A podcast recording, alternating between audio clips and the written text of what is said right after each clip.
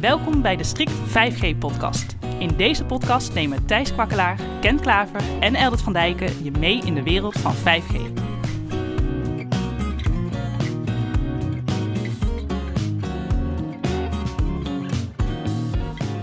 Dit is de Strict 5G-podcast. Ik ben Thijs. Ik ben Eldert. En ik ben Ken. Vandaag is het onderwerp 5G versus wifi. Thuis beluister je deze podcast zeer waarschijnlijk via wifi en onderweg natuurlijk over 4 of misschien zelfs 5G. Verschillende soorten techniek met overlappende mogelijkheden en ook unieke kenmerken. Laten we eerst eens door wat verschillen en overeenkomsten van deze techniek lopen. We behandelen het al regelmatig in deze podcast, namelijk frequentiespectrum. Voor 5G zijn frequenties heel belangrijk. Maar hoe is dat dan voor wifi? Oh, dat is veel makkelijker. Je hebt gewoon uh, één, twee, oh ja, ondertussen al drie wifi-banden. Maar over het algemeen heb je als gebruiker daar niet zo heel veel mee te maken. We hebben in het verleden wifi ooit gekregen op de eerste band en dat is 2,4 gigahertz. En dat is een band waarmee wifi enorm succesvol is geworden. Zo succesvol zelfs dat veel mensen, als ze thuis gebruik maken van de 2,4 gigahertz band, ook de netwerken van de buren heel goed kunnen ontvangen. En zeker als je in een uh, drukke stad woont of in een appartementencomplex, dan kan het maar zo voorkomen dat de wifi-netwerken van de buren sterker zijn dan de netwerken van jezelf. Ik heb dat thuis overigens ook. Dus ik kan makkelijker aanloggen op de netwerken van mijn buren als ik de code zou hebben, dan dat ik mijn eigen netwerken soms vind. Dus 2,4 gigahertz is een, een, hele succesvolle band.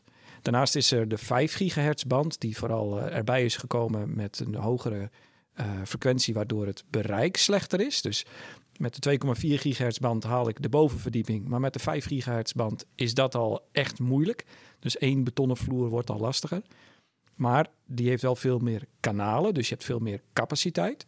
Dus daar heb ik veel minder last van storing van de buren.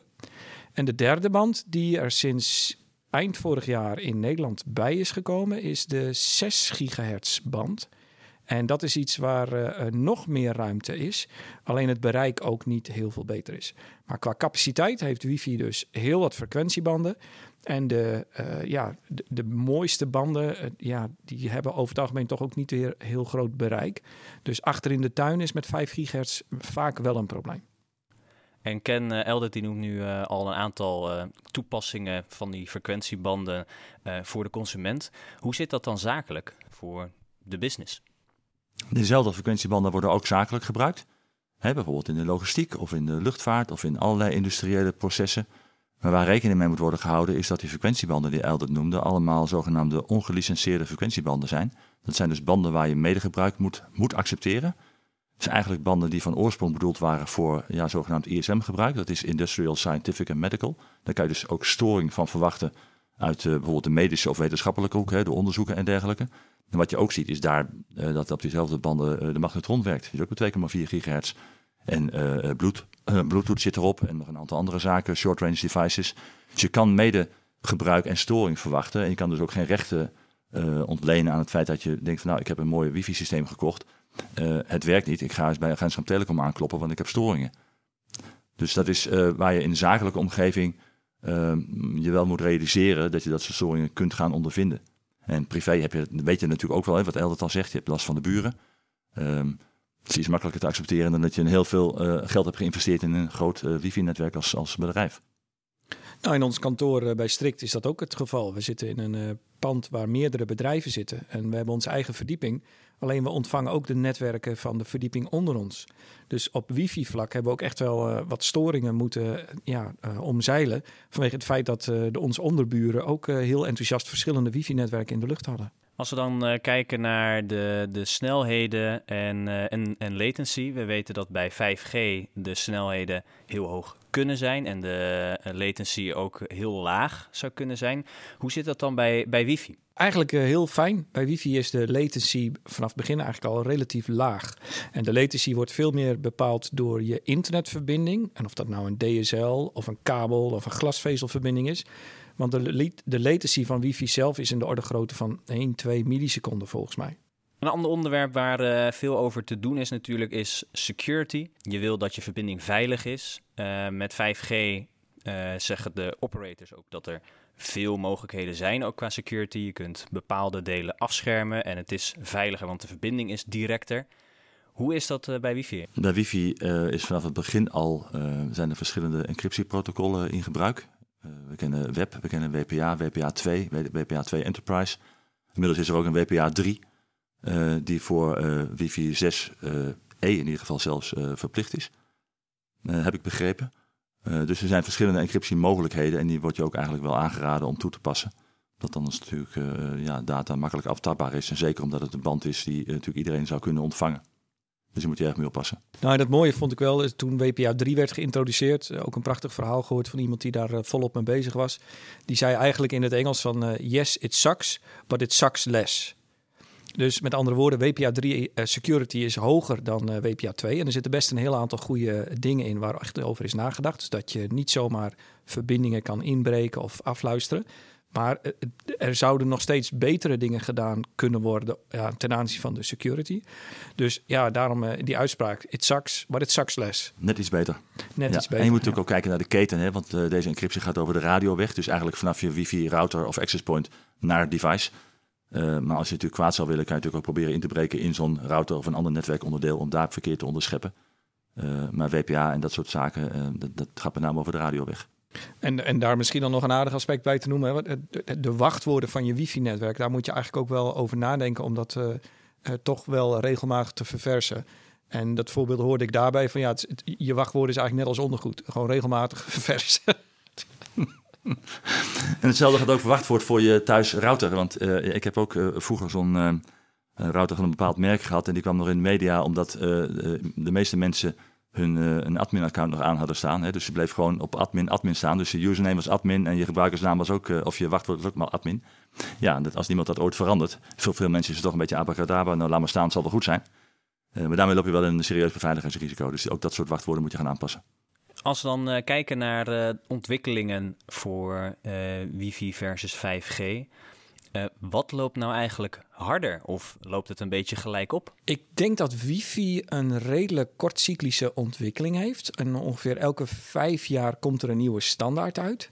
Dus dat gaat behoorlijk snel. En voorheen was dat eigenlijk een, een alfabetsoep aan afkortingen. dus het is geregeld door de, de IEEE 802. 1 of punt 11 en dan een, een letter erachter. En ze begonnen ooit met de letter A.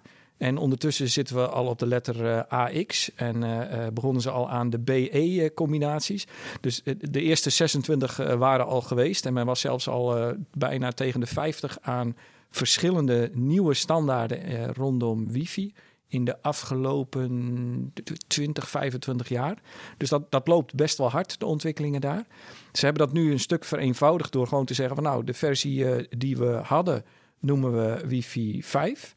En de nieuwe versie die sinds nou ja, een jaar of twee zeg maar op de markt is, dat noemen we wifi 6. En daarmee hebben we ook gelijk een stap voor op 5G, want uh, wij zitten al op 6 bij wifi. Dus dat, dat is wel een hele slimme marketingtruc gedaan. En de volgende uh, standaard, wifi 7, daar verwachten ze prototype devices volgend jaar al voor. Dus de standaard is nog niet klaar. Maar toch denken ze al daar hardware voor te kunnen maken. En als die standaard anders wordt, dan gaan ze dat gewoon met software in de toestellen uh, aanpassen zoals de standaard uiteindelijk wordt. Dus uh, wifi uh, 1 tot en met 3, dat is zeg maar archaïs. Wifi 4 hebben heel veel mensen thuis staan. Wifi 5 als je wat modernere spullen hebt. En alles wat van de afgelopen jaar begint nu wifi 6 te zijn. Dus een internetmodem van Ziggo in de nieuwste generatie is volgens mij nu ook wifi 6. En die van KPN heeft het ook is nu wifi 6. Alleen de meeste laptops hebben het nog niet. En ook niet zo heel veel smartphones hebben het. Heb ik daarmee jouw vraag beantwoord? Nee. Want als je kijkt naar de, de ontwikkelingen, um, wifi ontwikkelt heel snel, kortcyclisch, uh, zoals je dat uh, al, al terecht zegt. Maar is dat kortcyclische dan ook een voordeel ten opzichte van 5G? Nou, wat er in ieder geval bij wifi continu gebeurt, is dat alles backward compatible is dat heeft voordelen, maar dat heeft ook nadelen. Dus we zien ook op bedrijfsnetwerken dat ze op een gegeven moment afscheid nemen van oudere standaarden. Daarmee blokkeren ze dat oudere devices nog op het netwerk verbinding kunnen maken. Dus ze doen op een gegeven moment wat afstand van backwards compatibility. En de reden daarvoor is, is dat je alles door de lucht stuurt. En je zou het eigenlijk moeten verzinnen, is dat je op een gegeven moment een hele snelle vervoermiddel hebt. Maar op de snelweg die je daarvoor hebt aangelegd, zit nog een paard met wagen voor je neus. En die gaat niet voor je aan de kant. Dus je moet even wachten tot dat paard en wagen op de bestemming is gekomen. En dan pas kun je jij weer een hogere snelheid gaan rijden. En dat is wat wifi-snelheid in uh, zakelijke netwerken soms in de weg zit. En dan is het bijvoorbeeld een printer of een, eh, een thermostaat die wifi heeft, of iets anders, een apparaat wat met wifi is, die vaak met goedkopere, uh, oudere versies van wifi is uitgerust. En dat kan een modern verkeer best wel in de weg zitten. Ik heb dat thuis bijvoorbeeld ook, uh, waar heel veel verschillende wifi-netwerk-devices zijn. En sommige apparaten kan ik niet naar een hogere standaard brengen en brengen daarmee de snelheid van het hele netwerk naar beneden. Dus um, wifi doet in zijn ontwikkelingen heel veel snelle stappen. Uh, zorgt ook voor een grote backwards compatibility. Dus alles blijft werken, ook als je nieuwe routers met modernere versies van wifi installeert. Maar over het algemeen kun je er nog niet maximaal gebruik van maken, zolang je nog oude apparatuur in je netwerk hebt zitten. En dat is bij 4G eh, en 5G is dat wat makkelijker. Want een 3G-device werkt gewoon niet op een 4G-netwerk. En andersom ook een 4G-netwerk of een 4G-device werkt niet op een 5G-netwerk. Een 5G-device wel op een 4G-netwerk. Maar bij wifi is het net andersom. Dus je kunt het netwerk upgraden en oude devices blijven het doen. En bij 5G is het zo, het netwerk wordt geüpgrade en je moet naar een nieuw toestel. Dus dat, dat heeft voordelen voor de snelheid van het netwerk en voor de gebruikers. Maar het heeft nadelen voor het feit dat je elke keer ja, een nieuw device is nodig bent met nieuwere chips. En Ken, hoe kun je nou als bedrijf daarin een goede afweging maken tussen wat je, wat je nodig hebt? Dus dat hangt natuurlijk sterk af van uh, de omgeving waarin je het wil gebruiken en voor de toepassing waarvoor je het wil gebruiken. Kijk, uh, eh, 4 en 5G zijn in principe cellulaire netwerken. Dus netwerken die uit uh, meerdere zenders bestaan die een bepaald gebied bestrijken. En waarvan uh, bij het ontwerp al is uitgegaan dat gebruikers zich over het terrein bewegen. Dus die netwerken zijn ontworpen op mobility, zoals het heet. Hè? Dus uh, de, de, de handovers tussen de ene zender en de andere zender, als je door het gebied rijdt of loopt, is in het protocol, het technisch protocol waar, waar 4, 5G uit bestaat, is daar inherent in geregeld. Uh, bij wifi is dat vanaf het begin niet zo. Hoewel er zijn varianten die daar wel wat aan dingen hebben, aan, aan hebben toegevoegd. Uh, dus het gaat redelijk. Je ziet ook in ziekenhuizen dat het wordt gebruikt voor, voor bellen bijvoorbeeld en uh, um, voice-over wifi. Dat gaat best uh, aardig, maar het haalt niet de kwaliteit qua roaming vergeleken bij mobiele netwerken. Dus dat is één aspect. Mobility is in mobiele netwerken beter geregeld dan in wifi-netwerken. Ja, er zijn ja, tal van zaken waar je op moet letten. Wat, wat is mijn verwachte bandbreedtegebruik en welke kosten hangen daarmee samen? Wat moet ik investeren in zo'n netwerk om een goed dekkend netwerk te krijgen? Wil ik het ook voor spraak gebruiken, wifi? Of wil ik het alleen voor data gebruiken? Dan krijg je een heel ander netwerk. Een heel ander netwerk. Want voor spraak moet het vele malen dichter zijn. Misschien wel een factor 2 of 3 uh, ongeveer. Ja. Dus heb je veel meer access points nodig en een zwaardere uh, uh, infrastructuur, zal ik maar zeggen. Ja, en voor een, een, een private 4 of 5G netwerk gelden weer andere kenmerken. Dus er zijn een heleboel dingen die je tegen elkaar zou moeten afzetten om te kijken van ja, wat zijn nu specifieke dingen die ik voor mijn bedrijf nodig heb. En dan een verstandige keuze proberen te maken. En zeker voor spraak binnen een gebouw. Daar is, ik bedoel, radiodekking binnen een gebouw heeft wifi gewoon grote voordelen ten opzichte van mobiele netwerken. Dus als je met wifi toe kan, je hebt het sowieso nodig voor je laptops. Uh, maar spraak over wifi is inderdaad net wat Ken zei, is toch echt wel iets anders. En nog los van het netwerk, je hebt ook met devices te maken. En de meeste standaard smartphones zijn niet bijzonder goed geschikt voor spraak over wifi in een bedrijfsnetwerk. En dat zorgt wel voor, uh, voor wat uitdagingen. En een van de problemen die je ook daarbij uh, kan hebben, is dat op het moment dat er een software-update is van het Wi-Fi access point, hè, die toch ook regelmatig updates krijgen, of een software-update van de server, of een software-update van de switches en de routers, of een Android software update, dat je dan uh, plotseling problemen kan krijgen met bepaalde devices op een uh, bedrijfsnetwerk. Dus we zien dat ook bij ziekenhuissituaties, waarbij er een stabiele situatie is gecreëerd. En soms is dat best wel technisch complex. Er zijn gelukkig leveranciers die dat uh, erg goed ondertussen in de vingers hebben. Maar op het moment dat er dan een Android software update komt, die je gewoon af en toe vanuit security moet draaien, of waar je soms niet eens tegen kan houden, dan kan het maar zo zijn dat je de dag daarna problemen en klachten hebt van gebruikers die met spraak andere dingen horen of eh, onderbrekingen krijgen. En, en dan begint het heel vervelend te worden. En waar het zich in, in uit bijvoorbeeld is dat een, een, een device, een smartphone bijvoorbeeld, uh, blijft heel erg hangen aan een bepaald access point, heel lang hangen. Dus eigenlijk zou je verwachten dat hij al eerder overschakelt naar een vol, volgend access point als je door het terrein beweegt. Maar die blijft eigenlijk bij het ene access point, die, houdt hem eigenlijk bij zich. Waardoor uh, als je even ver van verwijderd raakt, de signaalsterkte eigenlijk afneemt, waardoor de kwaliteit van de verbinding gewoon uh, heel slecht wordt.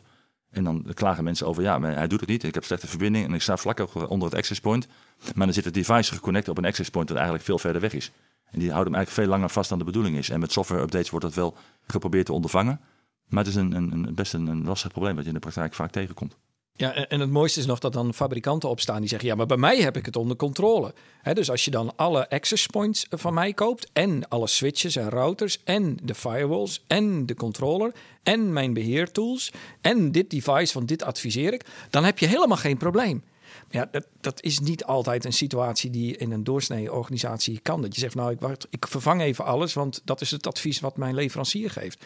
Dat, maar dat is wel het lastige aan de, aan de wifi-standaard dat dingen vaak niet helemaal uitgeregeld zijn. Dat fabrikanten wel een oplossing hebt. Hè, zoals bijvoorbeeld de, de, de roaming. Hè, dus want je gaat echt van het ene access point laat je los en je gaat naar een volgende. Terwijl je in een mobiele situatie noemen we dat handover. Dan ga je echt zonder problemen van de ene over naar de andere. En dat noemen we dan handover. Hè, want het wordt door het netwerk geleid. Nou, bij sommige fabrikanten hebben dat ook al onder controle in wifi. En die zeggen dat de handover uh, nagenoeg beter gaat op hun wifi-configuratie. Maar dan wel met die specifieke versie software, met die specifieke versie van de access point, met die versie van de controller die je daarbij nodig bent, in combinatie met die devices, dan werkt het tadeloos. Nou, prachtig. Maar dat is ja, dan toch vaak te complex om in een bedrijfssituatie te zeggen, daar ga ik op vertrouwen. Want er komt een software-update die je gewoon elke keer krijgt. Want het is IT. Dus je krijgt software-updates, security patches, wat al niet.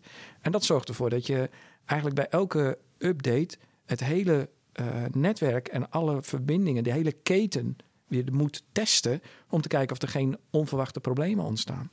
Dat maakt ook tevens dat je dit soort netwerken nog eens kritisch moet beschouwen als het gaat om missiekritische toepassingen. Het agentschap Telecom heeft jaren geleden al gewaarschuwd van gebruik uh, wifi niet voor missiekritische toepassingen, maar eigenlijk vanuit het oogpunt van frequentieaspecten. Uh, Omdat je storing kan Dat je storingen en medegebruik kan verwachten. Ja. Maar eigenlijk de dingen die jij nu aanroert, Eilert, hè, dus de, de software-update en die je ook moet doen omdat je bij wil blijven met je Android-versies en dergelijke, hè, ja, maken dat je soms stappen moet nemen die je eigenlijk in zo'n omgeving helemaal niet wil doen. En je noemde al even een terecht punt, hè? dus los van de security inderdaad, zit je ook met, met een stukje je frequentie en, en hoe je daarmee omgaat.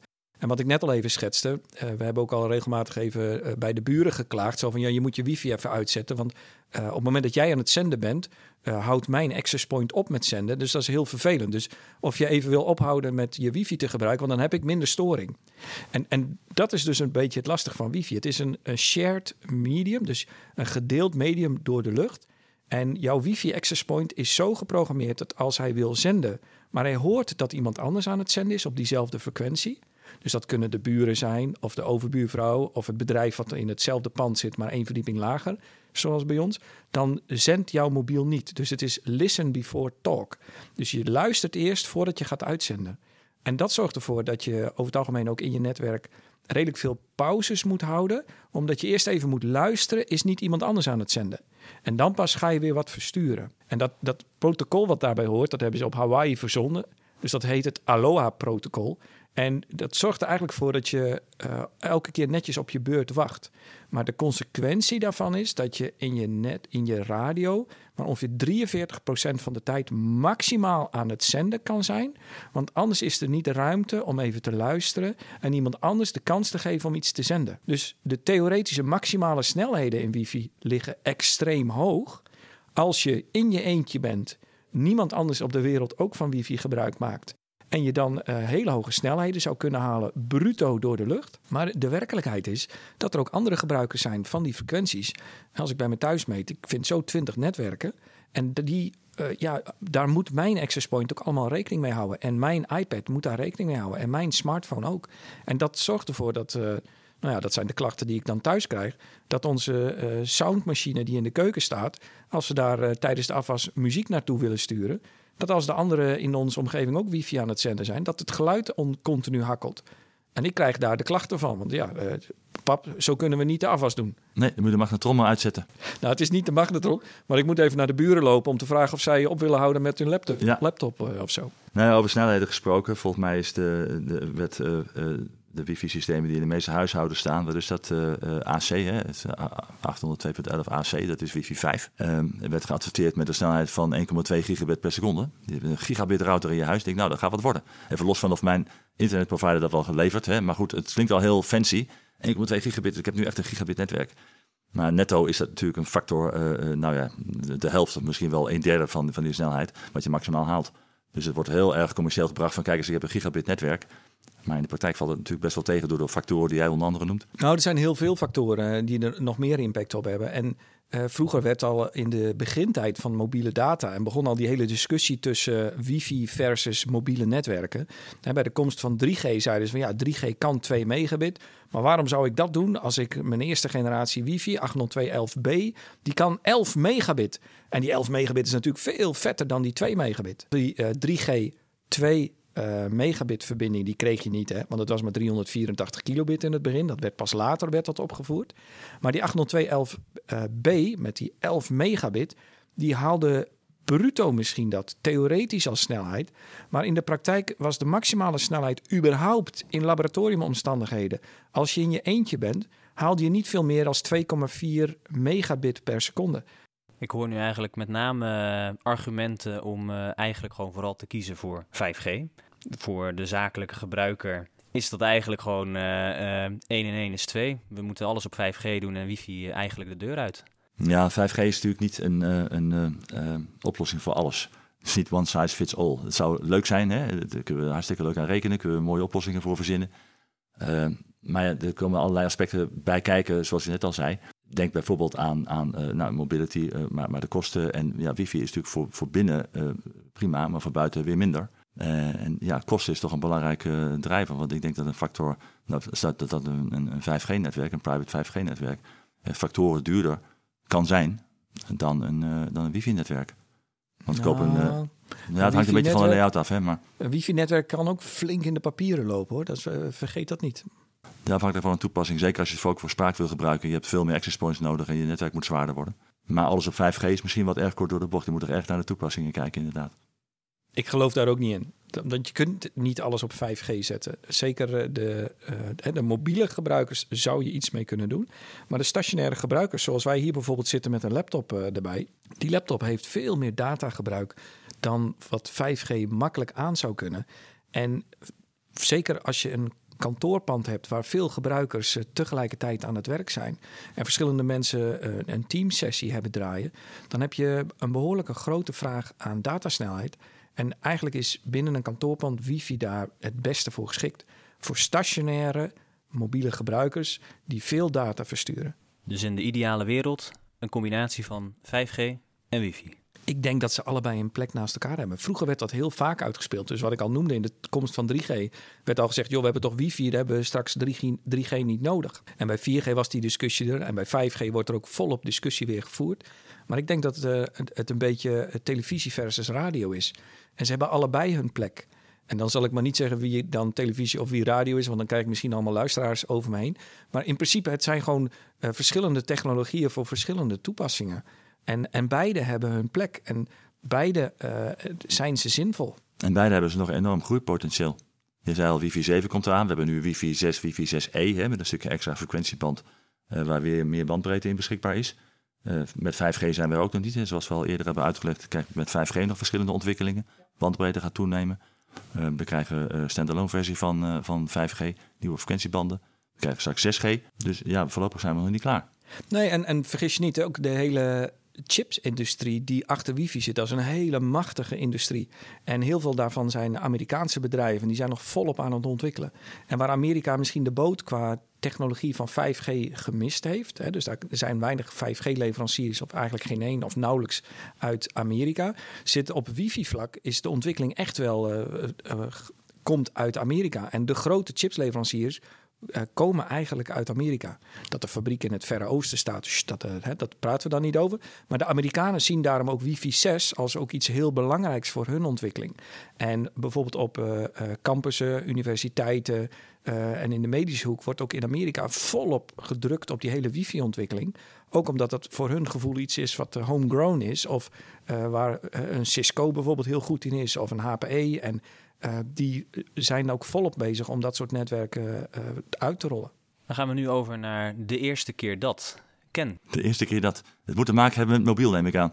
Nee, de eerste keer dat ik mobiel werd gebeld. Dat is interessant, want ehm, wij hadden uh, privé uh, eigenlijk nog geen mobiel abonnement. En toen dachten wij van, weet je, het is leuk. Er kwam een nieuwe toetreder op de markt, die heette Libertel. Een van de voorlopers van, uh, of de voorloper van Vodafone, of dat is later daarin opgegaan.